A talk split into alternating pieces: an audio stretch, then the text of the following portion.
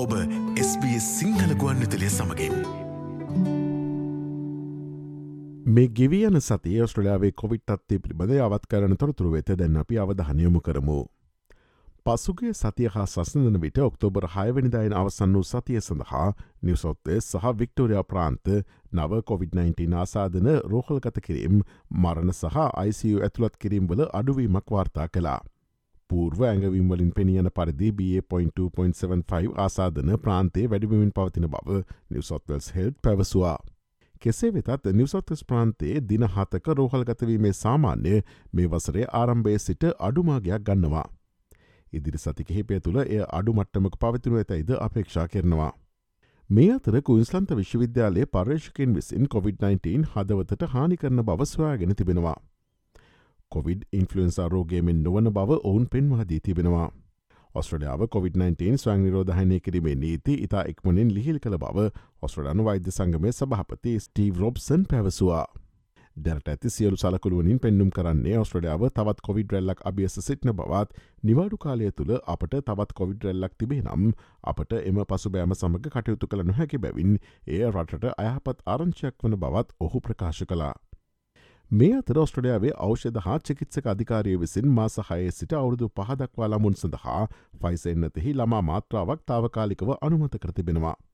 මෙම එන්නත අනුමත කිරීම සඳහා ෆෙඩරල් සෞඛ්‍ය මාත්‍යවරයට නිර්දේශ කිරීමට පෙර ප්‍රතිශක්ති කරනය පිළිබඳ ඔස්ට්‍රයනු තාක්ෂණක උපදේශක කණ්ඩායම විසින් දැන් එය සමාලෝචනය කරනු ලබනවා. මොඩනාහි COොVID-19 එන්නත මේ වයස්කාන්ඩේ අවධානමට ලක්විය හැකි ලමුන් සඳහා අනුමත කරනු ලද එකම කොවිඩ් එන්නත වනවා. ඔස්ට්‍රලියාව ෞෂධ හා චිකිත්සක අධිකාරය විසින් මොඩනාහට මුල් වෛරසය සහ ඔමික්‍රෝන්හි B.5 B.4 උපප්‍රබේදයන් ඉලක්ක කරගනිමින් දීසංජයන්නතක් සඳහා සිය අයිදුම් පත ඉදිරිපත් කිරීමට අවසර ලබාදී තිබෙනවා. මේ අතර තාවකාලි අනුමැතිය ලබාදීමට පෙර එන්නත සඳහා මානව සායනික පරීක්ෂණය සමාලෝචනය කරන බව ඔස්ට්‍රලියාවේ ෞෂධ හා චිකිත්සක අධිකාරය පැවසවා. ඔස්ට්‍රලියාව දැන්ටමත වයසවරුදු දහ අට සහ ඊට වැඩි පුද්ගලයන් සඳහා මුල් වෛරසය සහ ඔමිකරෝන් හි B.1 උප්‍රවේද ඉලක්ක කරන මොඩනහි එන්නත තුංගන සහ සිව්වන එන්නත ලෙස භාවිත කිරීම අනුමත කරතිබෙනවා.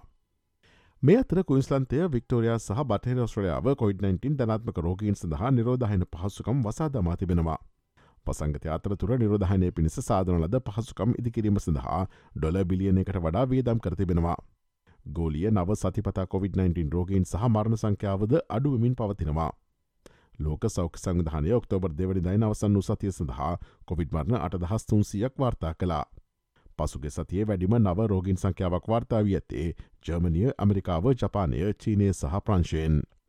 ඔස්ට්‍රලාවේ COොVID-19 හා සම්බන්ධ නවතම තොරතුරු දැනගැනීම සඳහා SBS.com.tu4/ සිංහල වෙබ්බඩ වෙත ගොස් ඉහලි නැති COොVID-19 පිළිබඳ තොරතුරු යන කොට සමත කලික් කරන්න. SBS SBS SBS SBS SBS SBS Radio